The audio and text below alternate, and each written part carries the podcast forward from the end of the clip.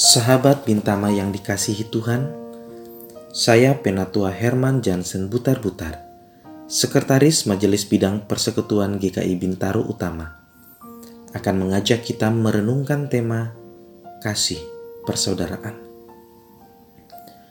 Firman Tuhan diambil dari 1 Tesalonika 4 ayat 9 yang dikatakan demikian.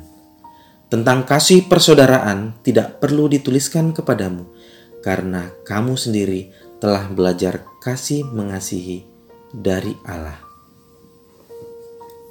Sahabat Bintama, kehidupan orang beriman adalah bentuk kehidupan yang senantiasa menjaga perkataan, perbuatan, dan tingkah lakunya dengan melakukan apa yang Tuhan kehendaki serta menjalankan kebenaran yang diketahui berdasarkan kehendak Tuhan sebagaimana tertulis di dalam Alkitab.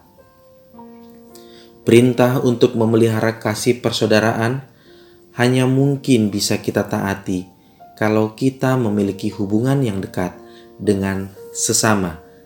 Selain itu, memelihara kasih persaudaraan berarti juga memiliki tanggung jawab yang harus kita upayakan agar hubungan itu bisa berkembang dan meningkat dengan baik. Adanya komunikasi yang terpelihara serta saling mempedulikan dan menjaga agar tidak ada konflik yang terjadi. Jemaat di Tesalonika diingatkan tentang ketekunan dalam bekerja, karena di sana ada sekelompok orang yang malas dan suka mengganggu, serta bergantung dan menjadi beban bagi orang lain. Demikianlah Rasul Paulus mengingatkan jemaat di Tesalonika tentang apa yang telah mereka ketahui menyangkut kasih persaudaraan yang berarti kasih bagi sesama saudara seiman. Lantas, solusi apa yang selanjutnya ditawarkan oleh Rasul Paulus? Rasul Paulus mendorong mereka untuk hidup dengan tenang dan rajin serta ulet bekerja yang dimaknai dengan mencari nafkah untuk memenuhi kebutuhan keluarga dan diri sendiri sambil tetap giat menabung dari apa yang dihasilkan untuk menolong mereka yang membutuhkan.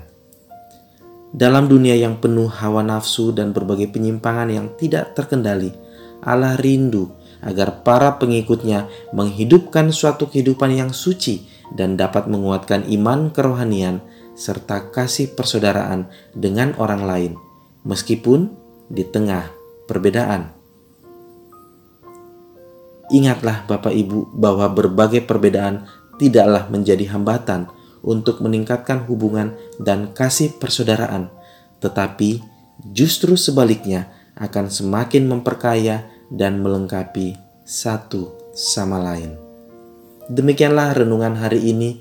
Kiranya Tuhan memberkati seluruh karya kita di hari ini.